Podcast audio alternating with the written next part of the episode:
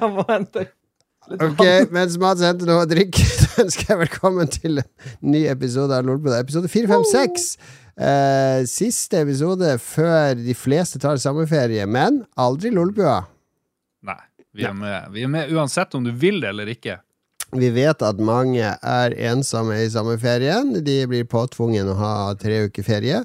Labbe rundt i byen, kanskje bestille de en billett til Syden, sitte alene på stranda, kjede seg. Da er det godt å ha sine to beste venner, Lars og Jon Cato, og av og til Mats når han ikke er på plattform, i, Hallo? i øret sitt eh, når du sitter ensom på stranda, ikke sant, Lars? Mm, det beste jeg vet, er når han Mats sitter, i, sitter på øret mitt, faktisk. Inni øret, som en parasitt. Mm, Ja. ja. Nei, men vi Driver dere og, Ja. sleiker folk i ørene?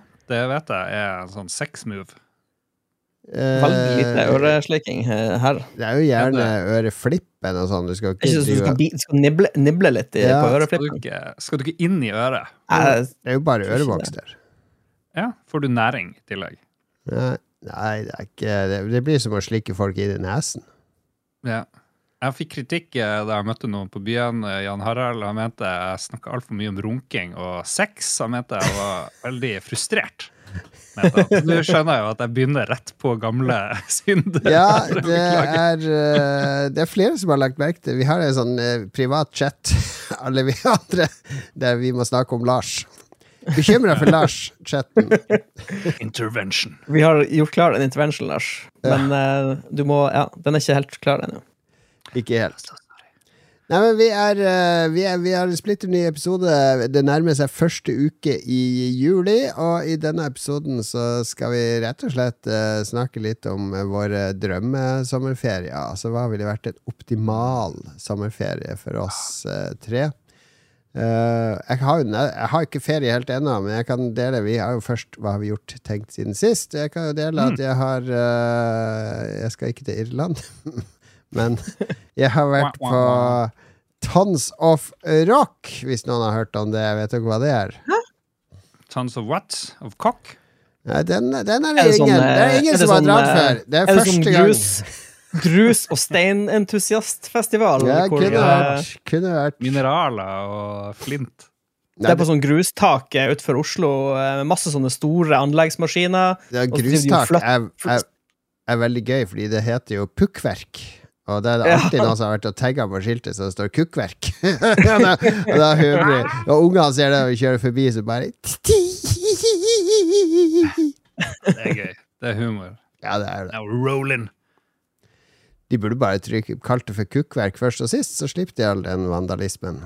Eh, men ja, jeg har vært på Tons of Rock. Det er Norges uh, etter sigende største rockefestival. Uh, Ja. Fire Jeg skulle dit i 2020. Ja, det er sant, det. Det husker Og jeg. 2021! Ja. Wah, Ja. wah, wah. Det er, de, er de veldig stressa? Det var jo, Vi snakka vel om det at uh, i Danmark så er deres svar på Tons of Rock mye mer chill enn uh, Tons of Rock i Norge. Føler Ja. du at det ligger noe i det? Copenhagen. Copenhagen, ja. Så har du det som er før det igjen, som liksom er startskuddet for alle disse rock and metal-festivalene, er vel Grass Pop i Belgia. Der eh, når jeg sjekka programmet der, så å si alt på Tons of Rock eh, spilt, hadde spilt på Grass Pop. Det som er med Tons of Rock eh, Fordi det var tre-fire dager Det varte egentlig fire dager, men jeg droppa den Guns Roses-dagen som de edda til slutt. Eller de la den til helt først, fordi Guns N' Roses insisterte på å være headliner, så de måtte utvide fra tre til fire dager. Eh, og det, etter sigende så var det like greit å droppe det. Det var ikke det helt store. Men det var tre strålende dager. Jeg ble solbrent. Det var så mye sol. Det er alltid sol når det er Tons of Rock. Eh, og det er jo en god kombo med sol og rock og metal. Når det ikke er black metal med mye sminke, for det blir litt teit i sola, rett og slett. Sånn Ghost og sånn, det funker ikke så bra å kombinere liksminke Fins det liksminke med solfaktor? Det burde man jo tenke på. på. Ja, vet du hva, Det er automatisk solfaktor. Det, det Mine samboer uh, går jo rundt med litt sånne ting, og det er automatisk 40-50 i solfaktor når du liksom kan sile det. Så det fikk jeg vite. Så det er lurt. Det er interessant. Veldig interessant. Hvis du har mye sminke, så trenger du egentlig ikke solkrem. Nei. Ja, men Vanlige rockeband i, kledd i svart, litt lær, litt uh, mørke dongeribukser, litt skinnvester, det tar seg godt ut i sola. Og det er litt gøy å stå foran scenen og hoppe og sprette og, og litt uh, uh, i sola til det. Mens med en gang det blir sånn Mayhem og Witch Club Satan, som har spilt på Festspillene nå, det er sånn feministisk jente-black metal og Ghost og sånne type ting, så blir det litt sånn der uh, det, det, er som troll. Det slår litt sprekker i sola. Ja, ja det passer, passer, best i dunkle rom, eh, hvor det er litt dårlig belysning og eh, du stenger inne. Alle konserter kjipe i sollys, egentlig. Hva er det som er bra i sollys? Marcus og Martinus? Jeg vet ikke. Nei, det er masse bra konserter i sollys. Eller sånn Utendørs uh, flotte konserter. Eh, altså, jeg vil si at konsertopplevelsen visuelt og audio, altså på, på, det, på, lyden, tjener ikke noe av å være ute i sollyset. Det er vel mer at du kan sitte i godvær og drikke kald øl og nyte livemusikk. Det er jo mer det som er festivalgreia, liksom. Det er jo ikke at Det er jo ikke noe egentlig bra med sånn 40 000 folk som skal få lyd fra én plass, liksom. Det er jo Ja. ja det trenger jo ikke å være 40 000 heller, men nå dere har jo bakgården, det er jo i dagslys. For det er jo dagslys hele døgnet oppe hos dere nå. Det er jo ikke noe verre å ha de konsertene. De, må man vente til vinteren for å ha utendørskonsert i Harstad? Vi har jo ikke utendørskonserter, da. Eh, alt er vel innendørs. Under Festspillene, ikke bakgården, som er senere på høsten. Men uh, ja. Dårlig argument, fucka du, Lars. Fucka du opp? Jeg fucka opp hele flyten det an å ha konsert utendørs? Er det noe poeng å ha utendørskonsert? Du må huske hvor vi er. Det er, det er bra vær nå. Stort sett under Festspillene så er det elendig, så det er ingen som tør å ha store utendørskonserter her. Ja, det kan være der oppe. Men på Tons of Rock så er det utendørs, og det funker veldig bra. Eh, mitt høydepunkt i år var vel egentlig eh, Pantera, eller det som er igjen av Pantera. Og det er jo bare eh, Phil Anselmo og bassisten, for de to brødrene er jo døde.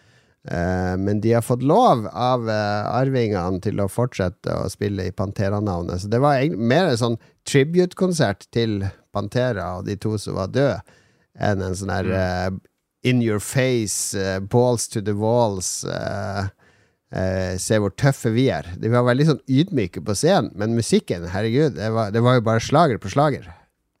Mm. Ja, Pantera er konge. Men hva er greia med at de måtte de ha tillatelse fra noen arvinger? De burde jo kunne Bandet ble jo starta av Dimebag, Daryl og hans bror, eh, trommisen og gitaristen. Det var de to som starta Pantera. Takk Akkurat en som heter Dimebag, dør tidlig, liksom. Ja, han ble skutt i hodet på en konsert av en fan som kom opp på scenen med en pistol og skjøt han mens han spilte. Eh, det, det er jo en ganske rock'n'roll-måte å dø på. Han trommisen døde noen år etter. Uh, og han ville jo ikke at bandet skulle fortsette uten Dimebag, for det er jo Dimebag som Alle riffene i Pantera det er det, Pantera er jo bare riff på riff på riff som, uh, som får deg opp av sofaen og hoppe over gulvet og være så aggressiv og gal som du kan. Uh, det, det, var jo Dimebag. Men nå har de fått med seg Zac Brown, superflink gitarist, og en dude på tromme som også var flink. Og Phil Anselmo var ikke høyrevridd nasjonalist, som han har blitt beskyldt for. for noen Zac Brown, uh, team principal til uh, McLaren F1. er det ikke Zac Brown han heter? Heter han Zac Brown? Har vi to Zac Brown?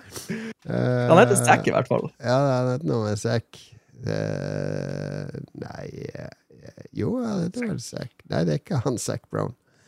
Ok, jeg prater bare tull her. Ja. Nok Tons of Rock, bortsett fra hvis det var noe som irriterte deg. Jeg vil ha litt sånn sinte-Jon her. Eh, hva er verst med Tons of Rock? Hva var den dårligste ja. opplevelsen du hadde på Tons of Rock? Ja, Det som irriterer meg skikkelig med Tons of Rock, det er eh, rock, rett og slett. Fordi hvis du drar til Copenhagen, eller du drar til Graspop, eh, så er det metal-festivaler med en metal-profil. Så de kjører metal. Mens på Tons of Rock så skal det liksom dra inn Madrugada. Eh, fordi Nightwish kansellerte, så alle de gothkledde damene som skulle kose seg med finske Nightwish, de ble avspist med er det noe liv her oppe på Økeberg? Ja, nei, nå skal vi nå skal spille noen triste låter, så alle blir lei seg her oppe. Han Sivert Høyem som sto og grein på scenen. Sivert Høyem, eller uh, Madrugada, er jo den der Industrial Silence-plata er jo en, klassiker. Det må vi jo kunne Ja, det er en klassiker, men det er ikke derfor folk går på Tons of Rock. Du går dit for å se Pantera, for å se death metal, for å se black metal, for å se trash metal, for å se speed metal. Ikke for å se noe emo nordlendinger som står og griner inn i mikrofonen uh, med, med rockemusikken sin. Det var det, og så er det det der uh, Det var sånn der eh, dansk voi Volbeat. Eh, som Ja. begynte å spille oi, oi. sånn Johnny Cash-coverlåter og Everly Brother. Er det sånn rockabilly Det var som å være på sånn bryllupskonsert, liksom. Det, de, de avslutta ene kvelden. Altså, jeg, fordi de skal liksom Det er i Norge, så de er så redd for å gjøre det for smalt med å gjøre det til en ren metal-festival, så de må liksom dra inn der Guns N' Roses og Volbeat. Det er jo sikkert og, mange som elsker at de har det. De kan holde seg innenfor det som er eh, Det kan være på grensa til metal, men det bør Guns N' Roses Guns N' Roses er akkurat på grensa. And speed rock. Hvis det skal være rock, så må det være hard rock. Ordentlig hard rock. Altså Det må være Mutley Crew eller eh, glam rock. Det er greit. Men ikke den derre folkerocken. Det derre Bruce Springsteen kunne du jo faen meg sikkert funnet på å booke på Tons of Rock, for det er jo også rock. Hold det hardt. Headbanging eller fistbanging eller get the fuck out of here. Det er mitt budskap til Tons of Rock når vi skal Dere hørte det, feire. folkens. ti Gata år 2023, neste år. hold det hardt. Jeg elsker det. Nå fikk vi underholdningsfaktoren tilbake Yes. i Lolbua. Yes. bra. Yes. Greit. Det, men eh, ja, koser kos meg veldig på Tons of Rock. Og nå la de ut sånn early bird-billetter til neste år. Veldig frista til å kjøpe, men jeg vet jo at neste år så skal jeg til Festspillene i Nord-Norge, og de har jo ikke satt datoer verken for Festspillene i Nord-Norge neste år eller Tons of Rock neste år, så det kan jo bli full kollisjon, så jeg tør ikke å kjøpe. Det ja, jeg vet ikke. Jeg tør ikke si hva ryktene sier skal komme, men da kommer jo du, eh, tenker jeg. Jeg vet hva som er kommer. bra. Ja. Men uansett, Marcus og Martinus har skal, hørt skal komme. noen som ikke får oppleve Motley Crue, som du nevnte, det er jo meg. Fordi mine venner uh, vil heller fære på våpenmuseum i Irland. Vi må jo fortelle at det her er jo hva slags nerds er det du reiser med som ikke først er på ferie i utlandet, har sjansen til å se Mutley Crew live, drikke øl og knulle, og så vil de heller dra og se på en sabel? Crüe. Ja, jeg, Jeg tok det opp i planleggingsmøtet, hvor vel du ikke var, Mats. Ja, men, der var ikke jeg med, så jeg vil ha meg frabedt Hva, hva er konteksten her, Det her Lars? her. Du, du skal på ferie til Dublin med noen venner? Ja, vi skal bo i nærheten av Dublin. Og i Dublin, dagen etter vi er der nede, så er det Def Leppard og Motley Crew dobbeltkonsert Ai, ai, ai, ai, ai. på Irl Dublin Girls, girls, girls! eller et eller annet. Ja, så det hadde jo vært eh, veldig, veldig Det- Feel ma- på mandagen. Ja, på mandagen. Det ligger skjemaet du oppretta. Å ja, jeg har ikke sett på det. Vi skulle vært jeg i jeg Irland. Jeg lukka det etter jeg la til mine ting. Ja, så vi er fem stykk. Vi skal ferde ned. Vi har leid eh, en altfor liten bil. eh. Jævla fuck. Kan jeg bare få legge inn en formell klage til eh, alle europeiske utleiefirma, altså bilutleiefirma? Hvorfor finnes det ikke store biler til utleie i Europa? Du må jo bare Hvorfor det betale bare litt USA? mer. Bare USA som har skjønt det. Ja, ja. Ja. Jeg vil, jeg vil ha en Chevrolet Tahoe. Jeg vil ha en diger gigabil. Jeg vil ikke ha en sånn her eh, liten fitte-SUV. Vi er, altså vi er fem voksne mannfolk med bagasje, og så skal vi presse oss inn i en sånn her eh, Mental bagasje eller fysisk bagasje? All bagasje. Alle konseptene av bagasje skal vi ha med oss. Ja. Men ja, det blir eh, spennende å se. Men ja, sorry. Fortsett, Lars. Nei, eh, og eh, du er jo med, Mats. Jeg og du skal være med. Lolbua-legen Kien skal være med. Ditt søskenbarn Trond skal være med, og Marius skal være med. Og det, det kommer jo til å bli magisk. Værmeldinga ser veldig skitt ut. Den er som en sånn middels nordnorsk sommerdag Sånn i en 14 uke. grader og regn i ei uke. det passer bra med konsert. Ja. Ja, det, Nei, men jeg er med på Mutley Crew. Oh, mamma. Ja, Vi, vi får prøve. vi, Vi vi får prøver. stjele bilen, Lars, og så kjører vi på Ja. konsert. Hell yeah. Syns det høres vi, eh, bra ut. Men hva, hva ja. mer skal skje i, i Dublin? Eh, Det, det Ja, er fem bør single eh, menn her, så det blir litt knulling og sånn. Vi, vi kommer ikke til å være bare i Dublin. Ja. det Så jeg har på min liste Vi har jo lagd ei sånn uh, reiseliste. Sånn, Mm. eller sånn, hva vil vi gjøre? Så jeg vil se på noen kule borger og noen sånne historiske lokasjoner, og så vil jeg se det der Cliffs of Mo Mohair, og så vil jeg kjøre Ring of Kerry. Det er liksom mine bidrag til det er den Irland. eh, Johnny Cash-sangen? Ring of Kerry? The Ring of Kerry. Det er akkurat det det er. Ja, det er en sånn eh, det er en sånn scenic, scenic drive på vestsida av Irland, tror jeg. Det er en sånn liten utstikker. Du kan kjøre en sånn uh, fin, Ja. fin vei. Hva Jeg er med på én eller maks to sånne ekskursjoner for å se fine ting, men jeg mener hvis du skal liksom se masse ting, da kan du gå på YouTube. Eh, ja, Er ikke det litt som porno? Hvis du først har sett et fjell eller en klipp eller et kult bygg, så har du sett alle? Det vil jeg si meg litt uenig i. det var sterke meninger. Det var eh, li, litt mye å kaste under ett eh, teppe, føler jeg. Nei, jeg vil, jeg vil se sånn her Jeg vil se det Irland har å by på. Det er snakk om en overnatting i Dublin. Det diskuterte vi sist. At vi Ja. eh, Ja, men det, det må vi ha. Go crazy Dublin. Så det, men det er veldig oppe i lufta. Veldig oppe i lufta. Jeg, jeg liker jo de hytteturene på høsten med, med hele, hele gjengen, og da er vi jo bare i en hytte hele tida, så det her blir jo litt annerledes. Men jeg vil jo helst også bare sløve og drikke øl og chilex. Og fiske i vannet utfor huset der, eller et eller annet sånt. Det høres uh, magisk ut. Men vi må jo ut og oppleve litt. Vi kan ikke være i Irland og bare sitte inne. Ja, da blir du sittende litt alene, tror jeg, Lars, i hytta, hvis det er det som er I drink den store. Irland-planen din. Du, du, vi får, vi får levne, lemne deg med en kasse øl, så klarer du deg sikkert. Ja, nei, men det ser gøy ut der. da. Vi kommer sikkert til å kose dere der. Mange puber, da, så det er bare å, å rømme Ja. inn på de. Det jeg er litt skeptisk til, det er uh, irsk musikk. Jeg er ikke sånn verdens største fan av, av irsk pub og sånne ting, hvor man må høre sånn irsk musikk. Du, står jo ikke sånn felespiller på hver eneste irske pub. og Jo. sånn. Jo, det er det de gjør. Altså kommer det ikke en sånn liten nisse med grønn lue, en leprechaun bort som eh, til You want a pot of gold, sir? Det er ikke sånn i Irland, Lars. Det er ikke tegnefilm der. Men nummer én, hvorfor elsker folk irske puber? Hva er liksom Jeg tror bra ingen elsker de, de er bare overalt. Det, det er jo bare fordi de oppfant puben. Gjorde de det? Ja. Er du gal? De, de, de, de som oppfant eh, drikking, og de, de som oppfant puben, så eh, De, de er er bare overalt. Jeg tror egentlig ikke folk elsker de, men det er jo som eh, 7-Eleven, ikke sant. Det, du, hvis, du ser en, hvis du er i Spania eller Romania eller i Marokko eller i eh, Miami og ser en ish pub og går inn, så er det jo Det, det spiller ingen rolle hvor i verden du er. Du kjenner, det, du kjenner deg igjen. Det er eh, familiar omgivelser. Og så kan du få de samme drikken, Guinness og sånne ting, på alle de pubene. Kan ikke vi få norsk pub da, ute i hele verden? Og hva skulle det vært? Mye sånn viking og sånn der, eh, man tror det er nazipub. Det funker jo ikke, egentlig. Så kanskje derfor norsk pub ikke har slått an rundt omkring. Ja, jeg har ikke noe sånn norsk drikkekultur, så vi har ikke noe særlig å eksportere der, egentlig. Men uh, du må nok ta til takke. Uh, og når du først er i Irland, så tror jeg kanskje ikke du finner så mange irske puber. Det er jo bare irske puber! Du må, gå inn, du må gå inn på hver pub du må gå inn, så er det sånn her eh, Excuse me, do you know if there's a non-Irish pub nearby?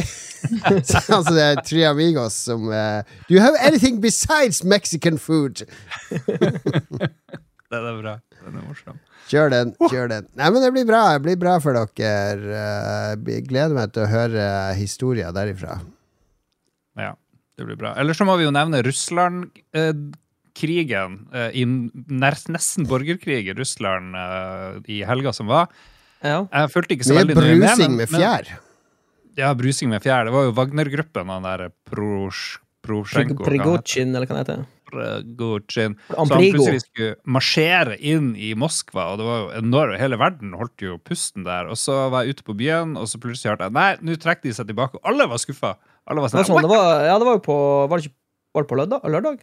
Ja, det var da vi var ute på Ja. lørdag. De hadde sånn gutta, guttatur på gang, på tur til Moskva. Men eh, ja, han bare, fe, han bare feiga ut, og nå er han i Belarus. Hviterussland. Nei, det heter Belarus nå. Gjør det det? Heter det ikke Hviterussland? Ja, du, alle norske aviser skriver bare Belarus nå. De har slutta å skrive Hviterussland. Så jeg tror vi har, liksom, vi har slutta å kalle det for Hviterussland. virker det som. Mm. Det var for woke å si. Men han er, han er toast, han her eh, Prigozjin. Han kommer til å bli så sykt myrda i løpet av neste måned. Hvis han overlever 30 dager i Belarus, så blir jeg sjokkert. Aldeles sjokkert. Men tror dere det er sånn her Chartersveien som egentlig leder det der Wagner-gruppa, eller hadde han liksom Han er jo en kokk. støtte i Jeg tror, jeg tror han er sånn her eh, Han, har sånn her, han er sånn skikkelig sånn hissigpropp, så han, liksom, han klikker totalt, men så går det over. Etter sånn tolv timer så ro- roer han seg ned. Så jeg tror det som skjedde der. Det var sånn, tror, de, noen av guttene hans ble toasta av noen sånne russiske raketter, og så ble han dritsur. Så Nei, faen, nå skal jeg faen meg kjøre opp, og så skal jeg faen meg drepe de jævlene som eh, står bak der. Og så, liksom, time nummer tolv i bilen, så bare sånn, faen, er det, er det så lurt? jeg tror, tror han angra seg litt. Og så fikk han tydeligvis en utvei eh, med han der Lukasjenko, så ba han å svinge til venstre og kjøre til Belarus i stedet. Ja, Det, det, er- det er min eh, tolkning av saken. Dramatisk bort. Det er jo litt sånn der uh, jalla Det er liksom, uh, jeg kaller det for Operasjon Blueballs, for jeg håpte liksom at, eh, at det skulle bli sånn skikkelig clusterfuck inn i Russland. At de måtte trekke soldater fra Ukraina, og at det bare blir sånn total kollaps. Men eh, ja, ja. Vi får vente litt eh, til på det. Ja. Er det det du mener i sendeskjemaet med Operasjon Blueballs? Ja. Ikke at du ha- ikke jeg vil- har onanert på lenge, det var det jeg trodde. Nei, det var, det var Russland-scenario. Jeg henger med. Jeg henger med. Ok, har vi noe mer å dele før vi går videre? Nei, da hører vi på litt uh, Rockman-musikk, tror jeg vi skal satse på.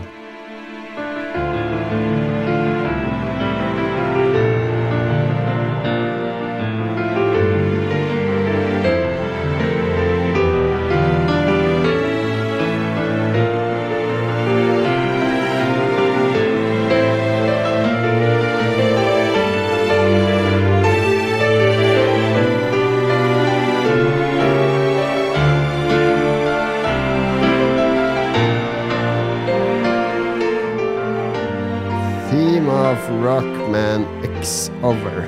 Hva nå det betyr. Bare Capcom som vet. Tons of Rockman, der med andre ord. Yay! Ordspill. Da er vi ser på video av det dere skal snakke om. Battlebit remastered. Ja, fordi jeg kommet til spilt uh, hørt siden sist. Lars, du har ikke så mye å dele her. Uh, vært busy med å forberede deg til festspillene i Nord-Norge. Hva slags dataspillkultur Mm. er på programmet på årets festspill? Eh, absolutt ingenting, tror jeg. Så Ja, det, er jo, det er jo vår skyld. Skandale. eh, ja, men det, vi bør jo spille det inn. Så det blir neste år. Ja, det har vi sagt før. Men uh, nå, nå, nå er det sant. Mm. Men jeg og du har, Mats, har prøvd noe, noe som har blitt en snakkis uh, blant PC-spillere. Blitt uh, veldig populært som ild i tørt gress. Oh yes. Et lite amatørmessig lite spill Eller ikke amatørmessig. Det det er litt sånn simplistisk utseendemessig spill.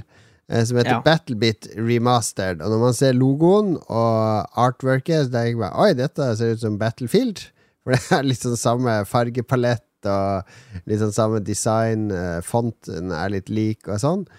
Og så ser man litt eh, trailer, så Oi, dette er jo basically Battlefield i Roblox-versjonen. Mer eller mindre, ja.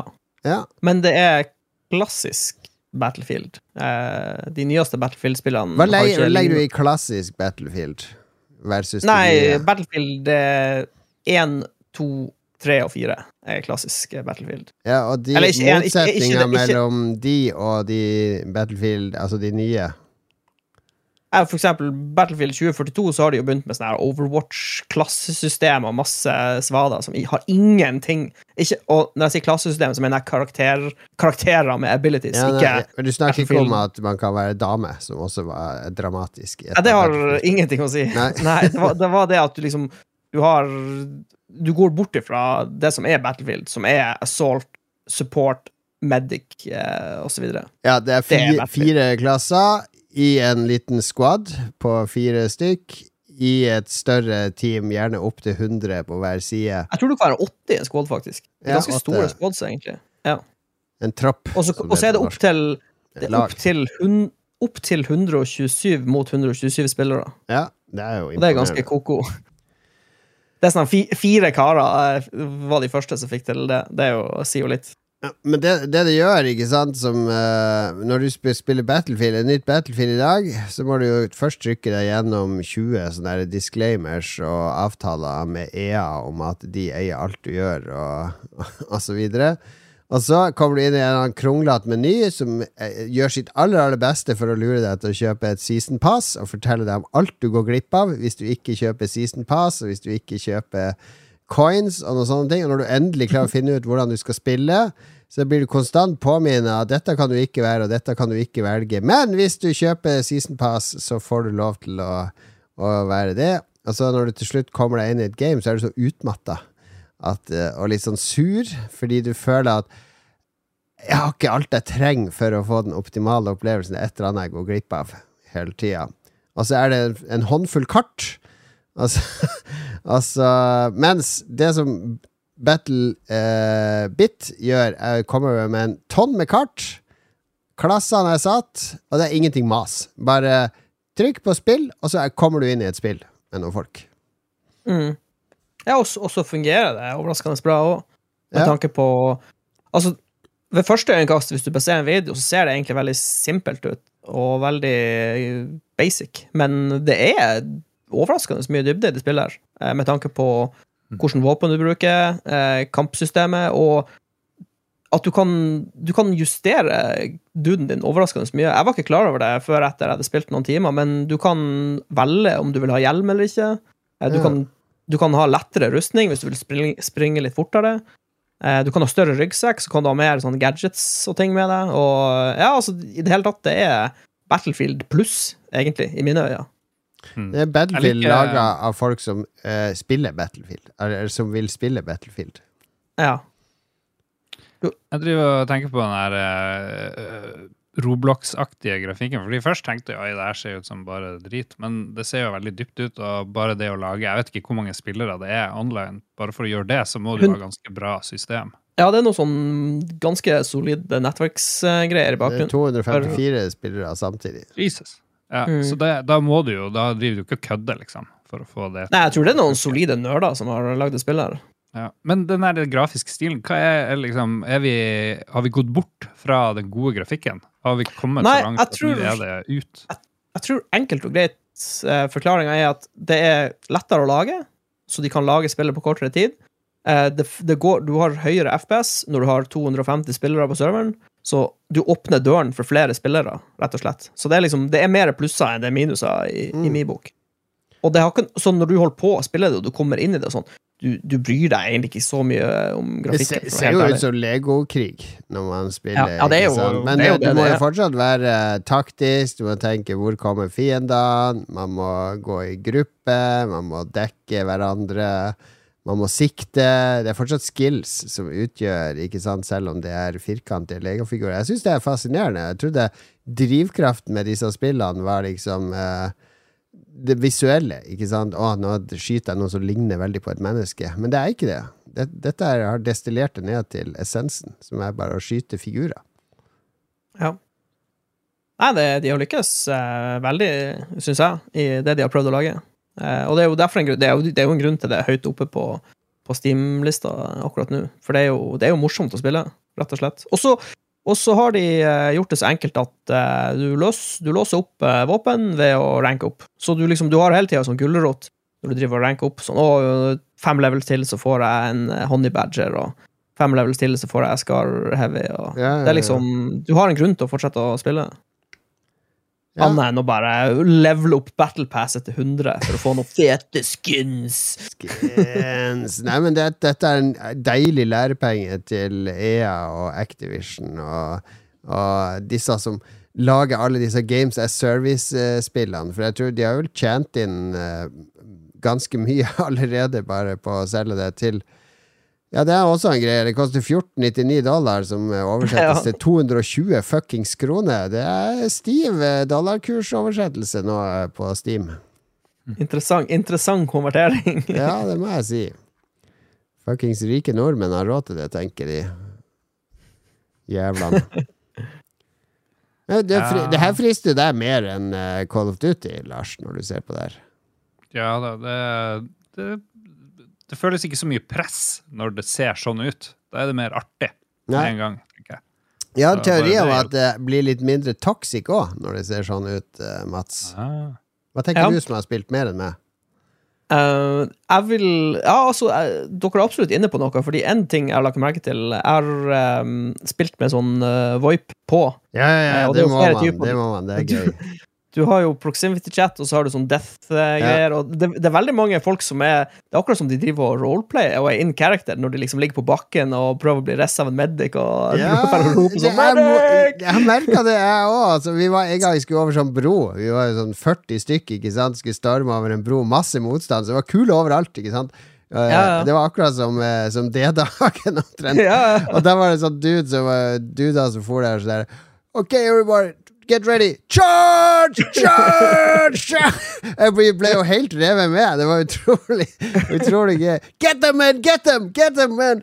Watch out to the right! Det, det, var, det var sånn ordentlig sersjantstemme som, som drev på det. jeg har lagt merke til det samme selv. Det var utro, stor, stor moro. Ja. Så jeg tror kanskje, kanskje folk slipper ned garden litt, jeg vet ikke, og bare slapper litt av og koser seg. Ja, det er mindre trash-talking enn det annet. Det er selvfølgelig noen sure russere her og der som skal slenge litt med leppa, men det er så langt unna Tarkov og COD i uh, Du kan jo ikke fly det flyet i Call of Duty uten at 20 stykker har kalt deg for uh, homo eller 'jeg har pult mora di', liksom. Det, det er ganske nasty uh, i andre spill. Kan det hende de har pult mora di? Man vet jo ikke. Ja, jeg vet ikke. Det skal jeg Hver gang jeg spiller med ja, nei, nå- jeg- La oss ikke ringe Ringer mor di og spør Har du hatt sex med han eh, hardcore 32 X. Jeg ringer opp han Lars. Er du klar for en dobbeltdekker med mora til han Mats? Nei da. Hallo, stopp, stopp. Mamma hører faktisk på. Ja, mamma og til. Men hun hopper av når vi snakker om spill. Tenk hvis du begynner å snakke om Lolbua-podkasten i uh, Facebook-gruppa Harstad. Har dere hørt hva de gjør? Ok, nei, men Battlebeat remaster Det er tomla opp fra meg og, og Mats. Jeg må si, det er litt sånn Det er mye å lære, kjenner jeg. Fordi jeg kjenner at jeg må bruke mange timer i det her før jeg blir kjent med brett og Jeg vil- fortrolig Jeg vil om en ganske mjuk intro til spillet er å spille som medic, fordi da kan du hjelpe deg sjøl og hjelpe vennene Ja. dine uten å fyre av et skudd. Og med medicen er solid og er veldig viktig. Og vet du hva som er så gøy? At du kan drive og dra folk. Ja, Trekke de Ja! bakover. Det er så go gøy fiksjon! helt, helt genialt. Ja, ja, ja. Kommer løpende bort, bare grip tak, og så drar du han med deg bak dekning. Har du Ja, jeg føler deg som en helt når du gjør det. Ja, ja, ja. Det er empowering. Empowering. Du har funnet noen nyheter, Lars, siden du ikke har spjelt. Det stemmer. Det er jo den store saken i spillverden, vil jeg påstå, er den enorme kampen Microsoft har for å kunne få lov til å kjøpe Senimax, eller hva det heter for noe. De som eier heter vel Betesta Senimax, Jeg husker ikke helt hva det heter. men Oh yeah! Vi blaster litt for den nyheten. Ja, De kommer jo til å eie alle spillselskaper i verden, eller ikke alle, men i hvert fall de som lager Skyrim og Starfield og masse annet, Doom og whatever. Og det er rettssak, eller det er ikke rettssak, det er mm, mye høringer og mye Alle land skal liksom kunne god, skal godkjenne det kjøpet her. USA skal Velkommen til godkjenne EU, det. Lars. EU skal godkjenne det. Alle liksom driver og skal si noe. Det er et veldig komplisert og forvirrende system. Og Microsoft gjør alt de kan for å få lov til å bruke 7,5 milliarder dollar på å få lov å Det er jo bare lommerusk. Det er lommerusk.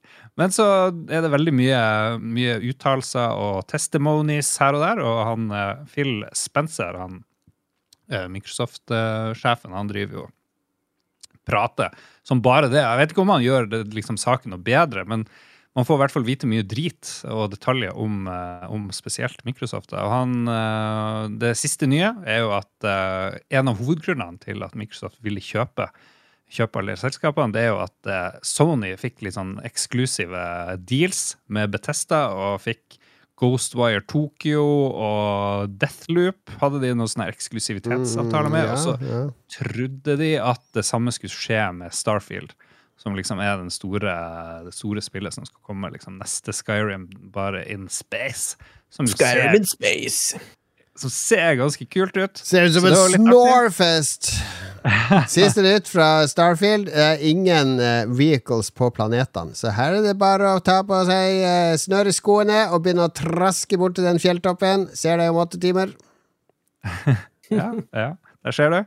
Og en annen ting som har kommet frem, det er jo at eh, Microsoft driver, og- de driver og snakker seg ned. Jeg vet ikke, Det virker veldig rart. De driver og snakker seg ned hele De må jo snakke seg ned for å være så svake at de, Mm. de, de ikke, To sterke skal jo ikke fusjonere, men en svak kan jo kjøpe en sterk for å bli sterkere. Ja, og så er det da at ja, vi, vi, vi driver og ligger sist i konsollkrigen. Konsollkrigen er tilbake, folkens. Sony mot Eller PlayStation mot Nintendo mot Xbox. Og det er jo Vi liker jo litt konsollkrig, tror jeg.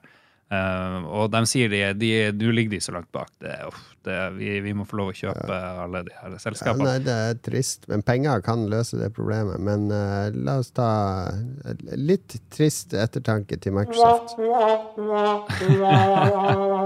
er jo Stakkars. fettrike. Ja, de er fettrike. De kan bruke alle pengene de vil, det er det de prøver å gjøre nå. Men hvorfor vil Tror Microsoft at de skal kunne vinne konsollkrigen? Er konsollkrigen relevant, eller handler det her om noe helt annet, som jo noen mener at det her handler om fremtida? Om hvor vi ikke har konsoller, og hvor du kun skal streame spill. Kanskje du ikke trenger noen konsoll, du skal bare spille på TV-en din, eller whatever. Det handler om å eie Det handler om eh, å eie Eie spilleunderholdninga, ikke sant? Det, det er det Mm. samme som strømmetjenestene har kjempa om å eie eh, film. Spotify, ikke sant? Eie musikkdistribusjon. Det er jo det Microsoft vil. De vil eie spilldistribusjon. All spilldistribusjon. Det er jo målet. Mest mulig. jeg tenker at den konsollkrigen er veldig lite viktig eh, for Microsoft. Konsollene er ikke noe viktig, det er tjenestene som er viktige nå. Og her gjelder det å differensiere, og ikke putte alle pengene på ett kort. Og det tristeste jeg vet, er en hel haug med hjernevaska folk som bare 'Jeg spiller hvis det kommer på GamePass'. Jeg, er GamePass. jeg har GamePass, jeg trenger ikke å kjøpe spill. Jeg holder at jeg har GamePass. Det går bra. Jeg har GamePass. Ja, men det, de, det, er jo sånn, det er jo senga de har uh, redd opp uh, for seg sjøl nå, de her uh, selskapene. Ja, Jeg har et banebrytende konsept, folkens. Ja. Hva hvis du spiller spill som du syns ser morsomme ut, og du har hørt bra ting om? Nei, hvis det er på GamePass. Nei, For det er gratis på GamePass. Nei, du betaler jo en hundrelapp i måneden. Ja, ok, ja, nei, det, Jeg trenger ikke å betale for Men jeg har det uansett. Men jeg har det uansett. Ja, ja, ja. Jeg har kutta mitt. GamePass-abo. What? Har du det? Men jeg skjønner jo det. Når spill koster 900 kroner nesten, eh, så, så er det jo veldig greit for noen som kanskje har pressa økonomi, å ha 125 kroner i måneden til Microsoft. Og så får du masse skitt. Du får ikke masse skitt. Du får lov å spille utvalgte spill måned for måned som Microsoft velger til det. Ja, jo, jo. Du har er ingenting. Sånn Når du sier opp det sånn abonnementet Netflix og tenker ah, det, nå hadde det vært gøy å spille noe i kveld, så ah, nei, jeg kan ikke spille noe, fordi jeg betaler ikke 125 i måneden. Jeg, har, jeg eier ingenting. Jeg eier ikke et eneste spill. Men du eier jo nesten ikke de der spillene du kjøper, fordi plutselig så går selskapet konk og spillet er borte. Og, Nei da, der er det sikring. Ja, Det er ikke så mange spill som har forsvunnet fra de tjenestene, vil jeg Nei. si. Nei. Når, når apokalypsen kommer, sitter vi alle og spiller gamle Nintendo-spill. jeg kan spille Skyrim fortsatt, liksom. Ja. Men ikke hvis du bare har spilt det gjennom GamePass og sier opp GamePass-abonnementet ditt. OK, nok av det. Nok av Kjør det. musikk. Kjør musikk. Lars tapte, ble litt sur. Kjør musikk! Idiot!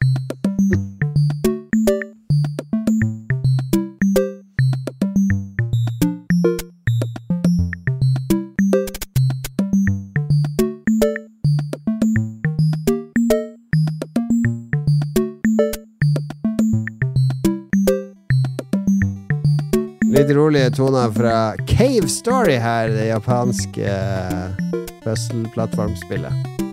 Det spilte du du en del. musikken? Eh, ja, Story er konge. Men hører du på musikken før du putter det inn i systemene? Nei. Nei, det skjønner jeg jo. Ikke denne gangen. Jeg kommer rett fra å levere en unge på toget til Fredrikstad, og så stresse hjem hit for å rekke innspilling. Og det var, jeg skulle egentlig være her en time før, Men av den logistikken så fikk jeg ikke gjort klart så mye. Men var det klage på musikken? Deilig Cave Story-musikk, da. Det er veldig Lolbas ånd å ikke forberede noe som helst. Ja. Selv om vi har forberedt veldig mye i dag. Har vi. Vi har forberedt ganske mye i dag, i dag, skal jeg si det, men det er behind the scenes. Ok, sommerspesial, min drømmesommerferie. Vi skal da Mm. dra lytterne gjennom eh, hva hadde vært eh, hva, hva, er vår drøm? For vi straks så drar vi på sommerferie, alle tre. Uh, ulike sommerferier. Dere to skal ha litt sommerferie sammen. Jeg, skal, jeg og du skal ha litt sommerferie sammen senere i juli, Lars. Ja, Budapest. I Budapest. Budapest. Mhm. Budapest. Så det blir uh, Det er mye man kan gjøre i sommerferien. Jeg kjenner noen som bare skal være i Oslo i sommerferien og nyte det. Noen skal veldig, Vet du hva jeg leste i Aftenposten her om dagen? Så hadde de sånn intervju med masse sånne rikinger. Altså sånn der eh, Stein Erik Hagen-nivå og sånn, ikke sant? Hva er sommerferieplanene? Og det var sånn VM i å overgå hverandre i å være folkelig. Det vet du hva, Min optimale sommerferie Det er på hytta i Lygør. Eller er på hytta oppe på fjellet. Ja, Da er det bare å nyte rå og fred skogstund, ja. nei, nei, nei. Og så var det sånn, så, altså, flere av de hadde sånn i sånn bisetning på slutten. Ja, og så blir det jo et par uker i, eh, i Monaco, da. det var sånn der bitte liten bisetning på slutten. Det var liksom om å gjøre å fronte det der eh, spartanske norske Her skal vi i den norske fjellheimen, den norske skogen, den norske kysten. Jeg ble helt kvalm av å lese det. Herregud, hadde jeg vært milliardær, jeg hadde jo ja, det blir Vegas, baby! Bitches! Champagne! Bring it, bring it! I'm rich, motherfucker! Du må jo tørre. Det er så, det er så norsk å ikke Du må- du fronte må- rikdommen sin. Du må fære på en sånn sykt eksotisk plass hvor ingen har råd til å dra til. Sånn Ja, ja, ja, eller noe sånt her. eh, Det koster ni millioner kroner bare å dra dit. Ja, men Vits med å ha penger hvis du ikke skryter av det! Jesus Helt lord. Jeg knekker koden. Hytta er jo sånn strandparadis eh, et eller annet sted ikke sant, i 20 millioner, og så skal de på tur til Monaco og kjøpe nye snipper til smokingjakken sin. Et eller annet Ja. sånn. Ja. Spør- Bjørn, til og med Bjørn Dæhlie skal sikkert fra Sveits hjem til hytta si i Norge. eh, Fuckings uh, skattesniken. Ja. Burde de få lov å flytte ut til Sveits? Kan ikke vi bare si nei? Du har vokst opp, du har nytt godt av alt systemet i Norge. Setter dem i fengsel. Flytte ut fra Ja. Norge burde vært excommunication. Altså bli nekta innreise igjen. Excommunicado. Glem dere det. Ja. Sånn blir det når vi tar Ingen over. skal flytte. Nei, ingen skal flytte, herregud. Men ja, greit. Drømmesommerferien vår, Lars, hva, hva, hva Hvis du velger på øverste hylle, all expenses paid, hva hadde din fire uker sommerferie, hva skulle du gjort da? Uh, ja, det er litt lite med fire uker for mine planer her, da. Men jeg tenker at hvis jeg kunne velge Og det her er inspirert av ungen til et søskenbarn. eh, Og jeg møtte mitt søskenbarn i dag. Hun fortalte om sin unge som har reist rundt hele jorda og brukt to år på å seile rundt. Ja, ja, ja, i, gjennom Adenbukta og vært eh, borte i USA, i Karibien, i Kasta bort to år av livet sitt på å seile rundt jorda, kan, du, kan man også vinkle det som. Man kan vinkle det som å kaste bort to år av livet, men det virker veldig I to år år du kunne tjent masse penger. Ja, men hun hadde nok penger, ikke sant? Okay, okay. Hun og kjæresten hadde nok penger. Lay of the grind. Heiv seg rundt, kjøpte båt, seilte ned fra Norge til England, og så ut, ut i verden i to år. Og det virker jo virker, virker, virker litt skummelt, men jeg har litt lyst en gang å fære på jordomseiling.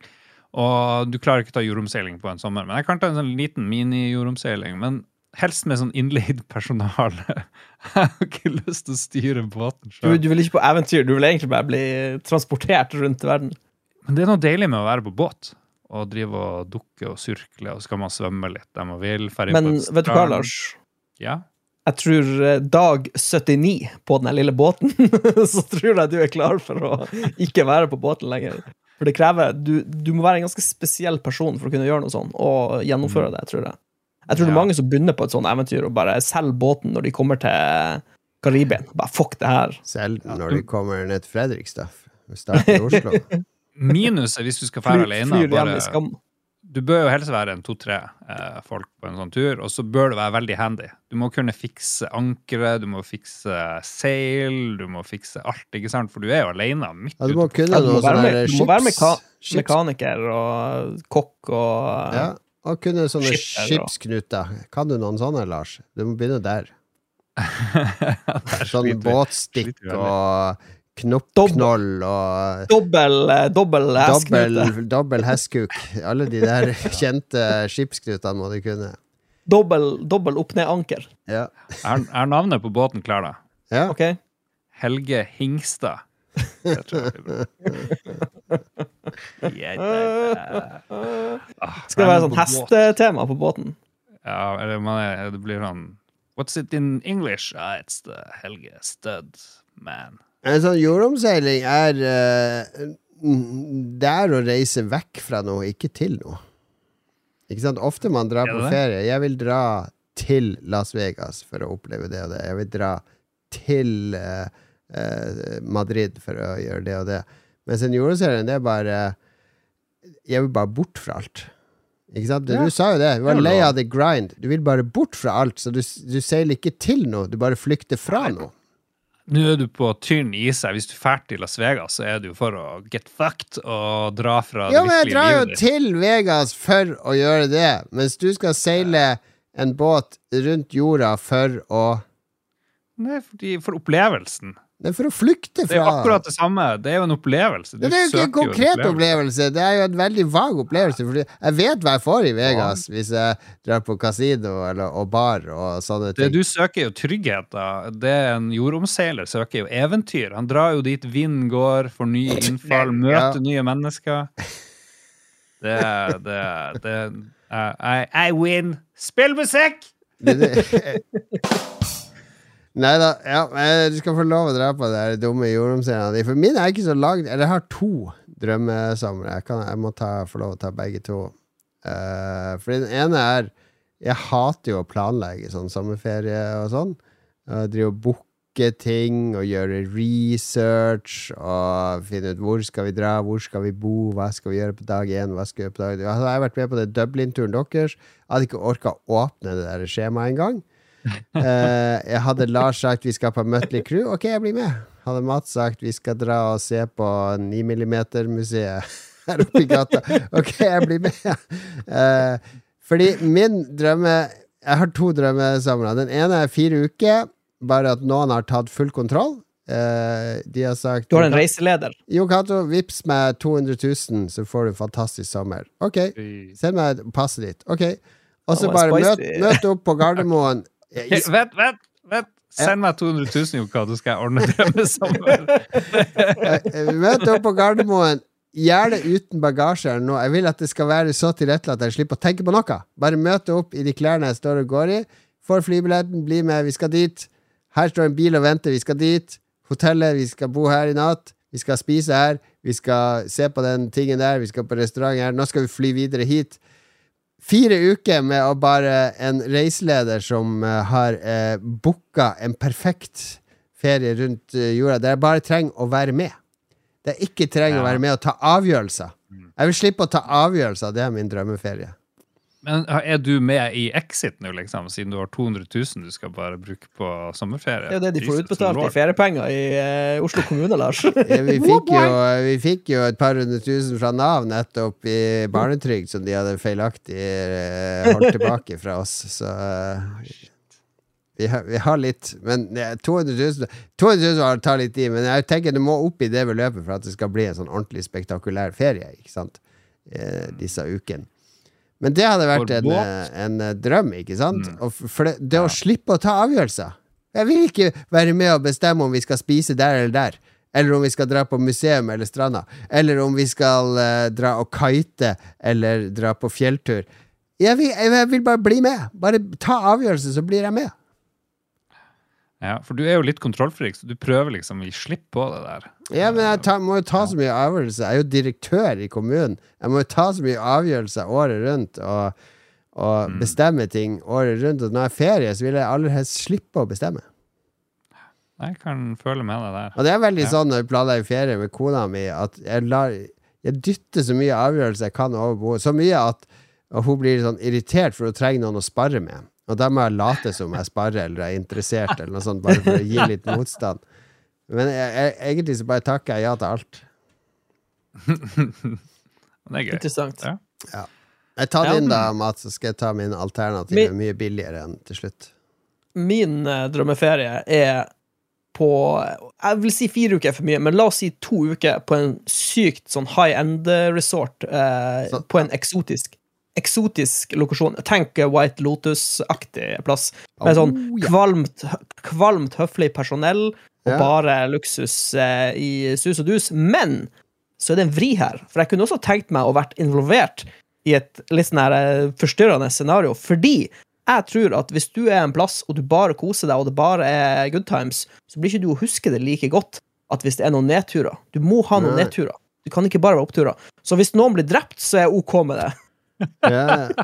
Det, jeg tror det din drømmeferie er hard target. Hvor du er enten han som skal jakte the deadliest prey, Holy eller shit. så skal du Ja, bli kanskje jakta på. menneskesafari. Det hadde også vært eh, kanskje en interessant eh, ferie.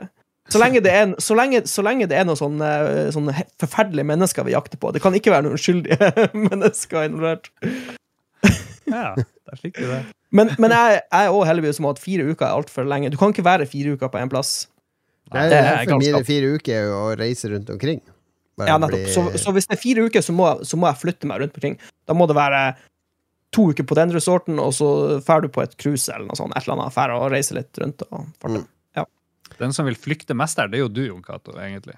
Ja, min, min alternative drømmeferie er jo å få være to uker alene på fjellhytta.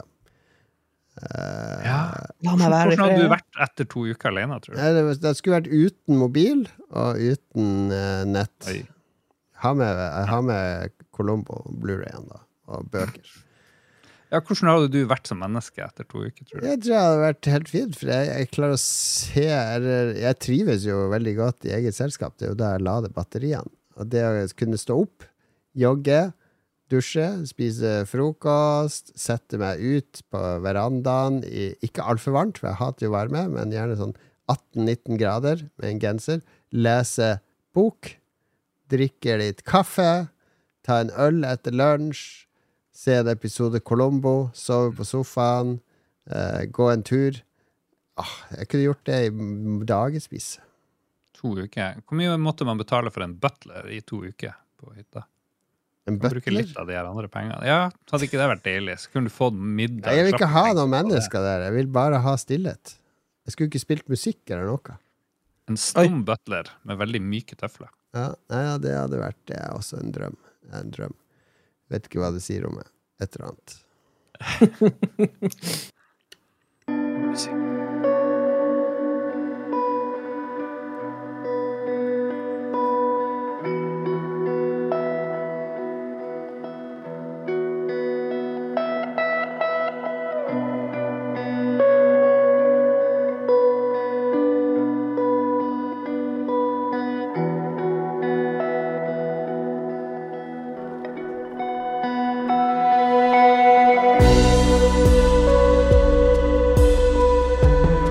Snakker Minecraft, vi snakker Story Mode og sangen Order of the Stone. Flott, eh, fett eh, gitarklimpring. Ja, behagelig Jeg var ikke feriemusikk. klar over at uh, Minecraft hadde så hifi-musikk. Nei, den kunne være, nesten vært på Tons of Rock! Det er fuckings myke Rett før Madrugada. Ja, rett før Madrugada. Jeg ønsker meg en hel episode med bare sånn avslappende musikk i bakgrunnen. Sommer- Det kan, kan, kan vi bare ha litt sånn ett minutts pause? Det kan oppfylles. La oss da anbefalinger, så er vi ferdig. Det blir eh, litt sånn kortere episoder i sommer, men det er Sommer- Uh, fordi vi spiller inn sånn tre-fire på rad. så vi må liksom spre kanten utover. Ok, hva slags anbefaling har vi denne gangen? Jeg kan begynne her, fordi revolusjon i Oslo var jo disse sparkesyklene, ikke sant? Og dere i Nord-Norge bare Herregud, livsfarlig for dere tull! Helt til dere kom her ned, og jeg dytta Lars opp på en sånn sparkesykkel, og det var det kuleste du hadde gjort i ditt liv, ikke sant? Du husker den? ja, la oss si det. Ja. Du likte det godt, da. Eh, Ja da, men disse sparkesyklene er jo veldig sånn vinglete og livsfarlige, og eh, hvis du har drukket én øl og blir eh, tatt Politiet stopper deg, så får du jo sånn 50 000 i pot og mister lappen. Og Jeg tror faktisk de bare begynte å skyte folk og henrette Nei, dem du på gata. får bot i forhold til inntekten din, så det var en dude i Fredrikstad de hadde tatt med én i promille på sparkesykkel, som mista lappen i et år og fikk 70 000 i bot. Jesus. Så jeg tatt tre øl og så kjørte en sånn sparkesykkel. Så det var litt stivt, da. Men det er jo en sånn her eh, eh, kampanje mot eh, frykt for disse sparkesyklene, som var litt kaotisk en periode, jeg skal innrømme det. Men jeg bruker ikke de. Hæ? Spredd. De, lå jo spredd over hele Oslo. Sånn, Ja det er færre nå, og de er mer orden i de. Men jeg bruker ikke de, fordi de er altfor vinglete for meg. Jeg er jo en syklist, tru en tru. Har jo sykla hele livet. Sykla i Oslo i 30 år. Så Lime, et selskap som heter Lime, de har sånne elektriske trådsykler som står rundt omkring, akkurat som disse sparkesyklene. Og de bruker jeg en god del, for det er bare å skanne, sette seg på og kjøre, og så drar de deg opp i 25 km i timen. Og jeg er så vant til å sykle, jeg kan alle sykkelveiene i Oslo og sånn, så jeg suser av gårde på de imellom. Der føler jeg meg trygg.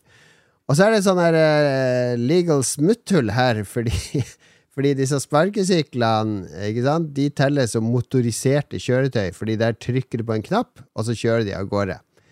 Så det, det er som en gasspedal. Ikke sant? Det er det som er logikken. Så derfor er det sånn 0,2 promille og ditt og datt. Mens trådsykler, der er en menneskekraft som driver de, altså det bare en motor som hjelper til, Det er ikke noen mm. promillegrense, folkens. Kan Yes. drikke så mye øl du vil og sykle. Oh, yes. Oh yes, oh yes. Ikke at jeg oppfordrer til det, altså. Det er ganske farlig.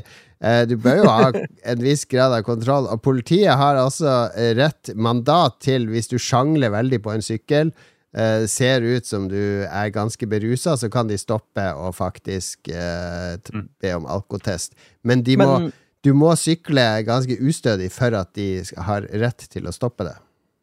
Men du blir um, Det er vel et lite problem med hjelm? For det ikke, jeg følger vel ikke med hjelm med Ikke sykkelen? påbudt med hjelm på sykkel. Nei, men jeg tenker sånn å, Eh, jeg, jeg ville øh, vegre meg litt for å sette meg på en sykkel uh, uten hjelm. Ja. Jeg syns det er skummelt, egentlig. Ja, da, jeg sykler jo vanligvis med hjelm, jeg òg, men akkurat på Tons of Rock så jeg opp, gikk ut.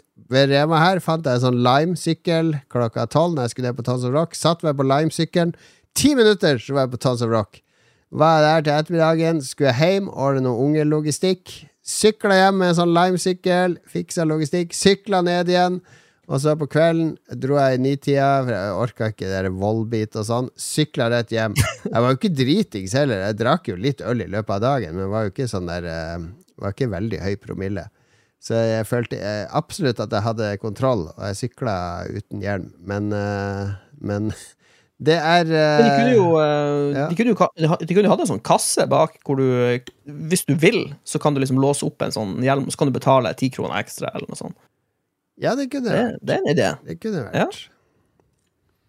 Her det øh, forslag til Lime her. Men jeg skal, jeg skal anbefale de syklene framfor de sparkesyklene, fordi det er my det er mye mer robust å sitte på en sykkel, ikke sant? Ja, ja, det Eh, Balansemessig og alt, så er du mye mer i kontroll enn de der vinglete sparkesyklene.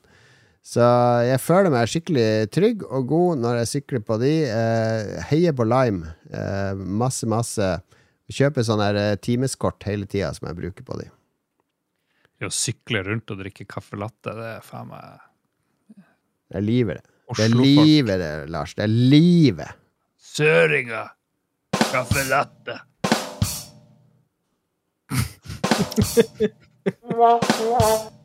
Ja, ja, ja, ja, ja. ja, ja. Det er Ok. sånn kunst plutselig der. Jeg vet ikke. Anbefalinga di, da, Mats?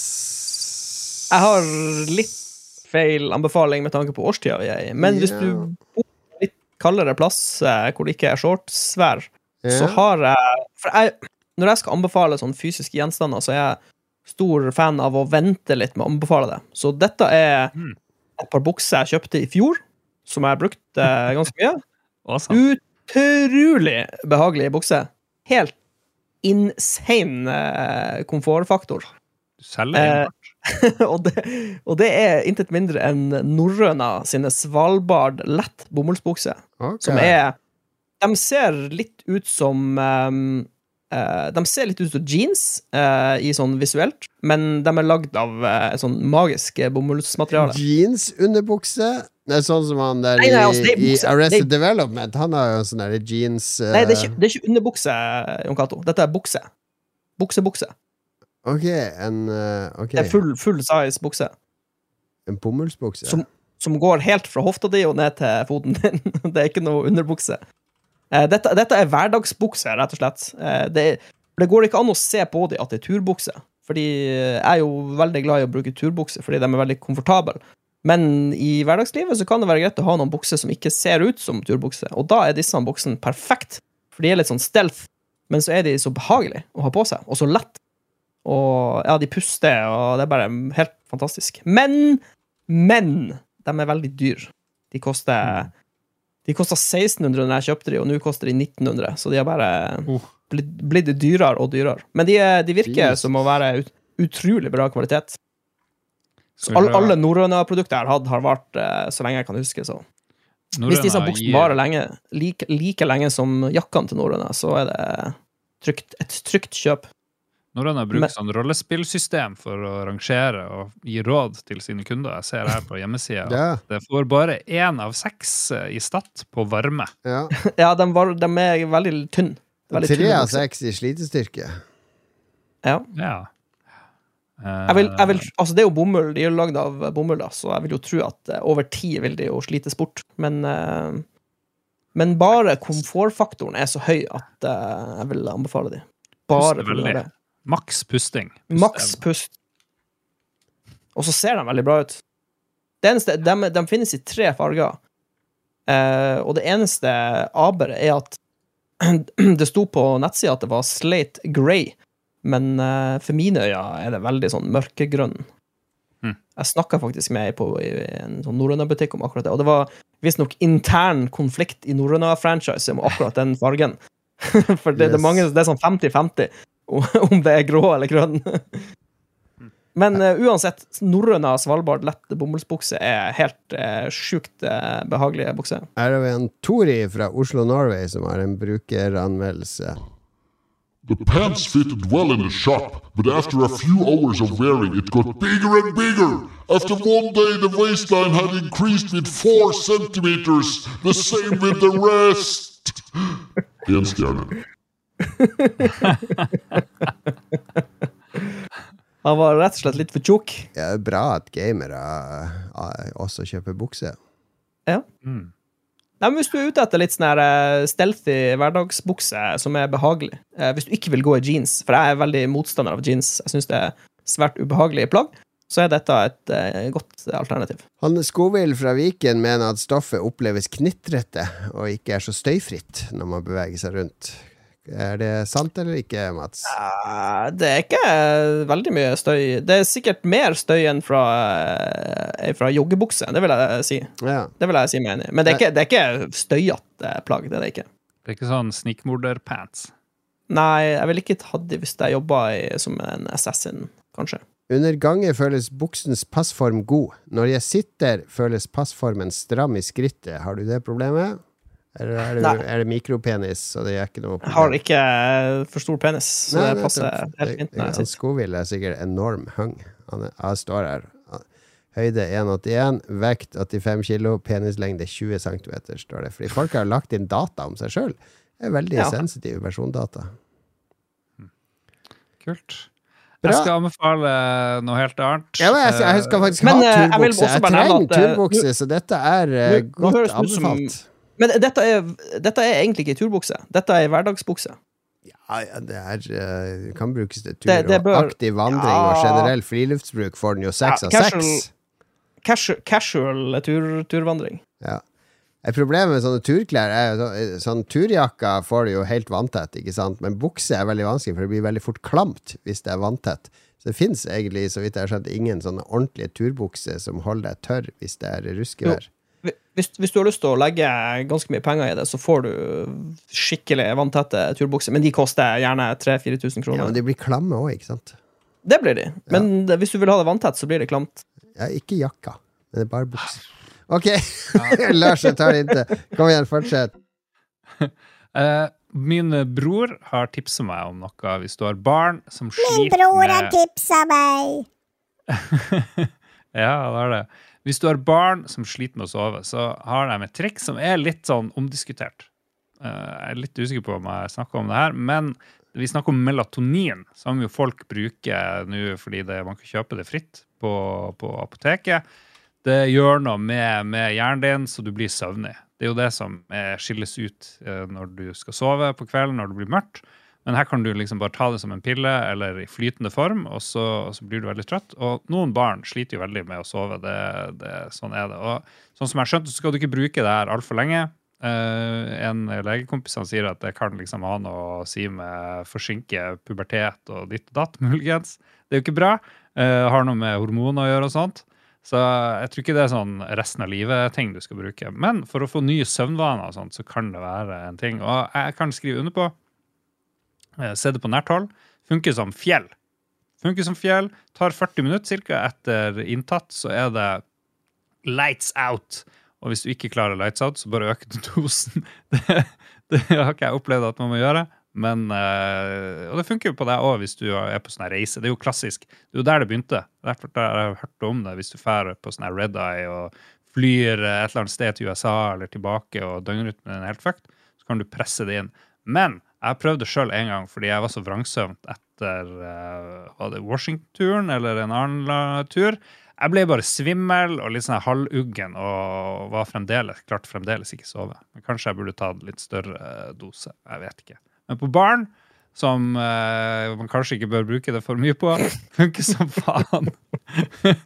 Doktor Mengele! En liten sånn shot whisky eh, til barnet også, ved siden av eh, melatonin-dosen? Ja, ja, dette var det, Jeg vet jeg tror ikke jeg gir det. Men det leger skriver det ut i øst og vest, så jeg vet ikke. Det kan Det er jo ikke noe som trenger å skrives ut, det er jo bare et kosttilskudd. Jo da, men hvis du skal ha det til barn og sånt, så blir det jo Skal du bruke en del, av det er mye billigere på blå resept, selvfølgelig. Ja, det er svenske leger vi snakker om her. Vi snakker både svenske og norske. Ok. Ja, nei eh, ja, du får hvis, hvis noen eh, får problemer etter det her, Lars, så er det det de kan ringe til.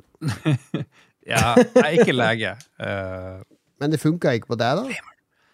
nei, det, men jeg tror jeg bare tok ett gram eller noe sånt. Men jeg ble litt sånn ubehagelig svimmel. Jeg, Jeg tror, jeg tror eh, melatonin ikke funker på alle. Og det, det funker ikke på meg, i hvert fall. Jeg, jeg, vi, har, vi får det av og til på jobb hvis vi vil ha det, når vi har gått nattskift i 15 dager og sånn. Men eh, jeg merka det skjedde ingenting med meg når jeg tok eh, melatonin. Du er sterk i psyken. Men, men, men det som er interessant, er at jeg har ikke problemer med å sove. Jeg kan sovne hvor som helst, når som helst. Ja, ja, det Så- kan jeg jo. Hvis du har problemer med å sovne, bare sett på noen gamle episoder av Lolbua, så dysser vi det i søvn på null komma niks. Jeg skjønner ikke dere som kan sovne overalt og sånn i fly og biler og sånn. Det går ikke. Jeg må ligge og Helt forferdelig. No problem. Ja, nei da. eh, Ditt problem, Lars, ikke vårt problem. Ja, takk, takk. Anbefalingene er over. Nå skal vi Skal vi si et tall mellom 1 og 24, Lars? 24. Ok, det er sjelden bra å velge først eller sist, men da hører vi sangen Bell fra Shizuku.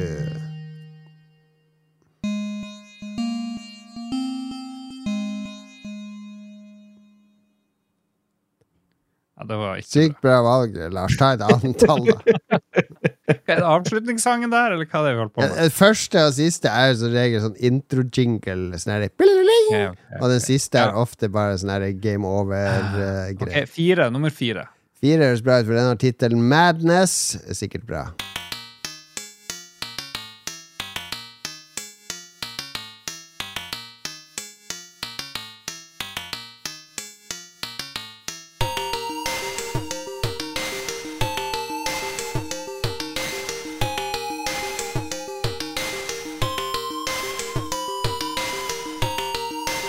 Nå snakker vi, nå snakker vi. Shizuku, altså på PC98, kom i 1996. Utvikla og gitt ut av Leaf, en visual novel vi snakker om her. Med naken dame på coveret. Oi. Det er bra. Denne låten var ikke så ille. Er ikke vi ferdig med sendinga nå? Hva har vi holdt på med? Ja, vi, er, vi har ikke noen lytterspalte denne gangen. Den kommer neste gang. Ja, kommer neste gang. Selv om vi har fått den. Jeg har fått noe, vi tar det neste gang. Fordi nå, kalde sommeren eh, God sommer til alle lyttere. Vi har noen patrions som må takes. Mm.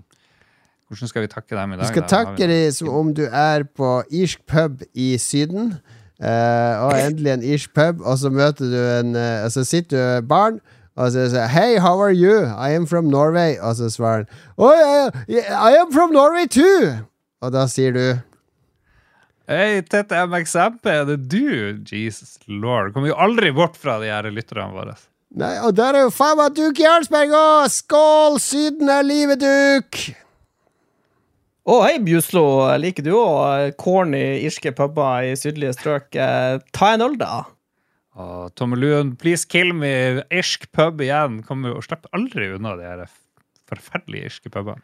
Alle nordmenn på puben her, ro ned, ro ned, for nå kommer kveldens underholdning med super-patrion Gøran Helge Nilsen! Kom igjen, alltid Magnus, så tar vi oss en eh, jig eh, mens han Gøran uh, spiller på det irske trackspillet sitt. En jig? Hva er egentlig en jig? Det har jeg alltid lurt på. Det er liksom en liten, liten dans, tror jeg. Du får liksom å kaste litt på føttene. Det er en sånn tulledans. Det ligger litt i Ja. navnet. Det er en litt sånn tøysedans. Det er ikke en Har du ordentlig sett dans. eh, The Last Boy Scout? Ja, da gjør det en jig. jeg, jeg tror han jig. danser en jig på slutten. Det er litt sånn Ja. tulledans. Bruce Willis. Bruce Willis, Never baby. forget. Vi skal, vi skal, det blir ikke noe jig denne gangen. En uke til vi er tilbake. Vi kommer til å være her hele sommeren for dere, folkens. Jeg får aldri sommerferie fra oss i Lolbua. Vi skal plage deg hver eneste uke. Takk for at du hører på. Støtt oss på Patrion, og husk solkrem i sommer. Et siste råd, eh, Lars? Ah, tusen takk, alle patrions, alle lyttere. Um, godt råd. Spis masse melatonin hver dag. Og softis. Word, word.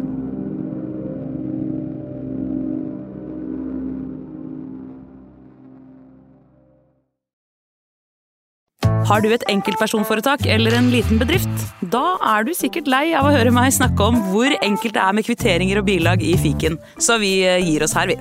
Fordi vi liker enkelt. Fiken superenkelt regnskap.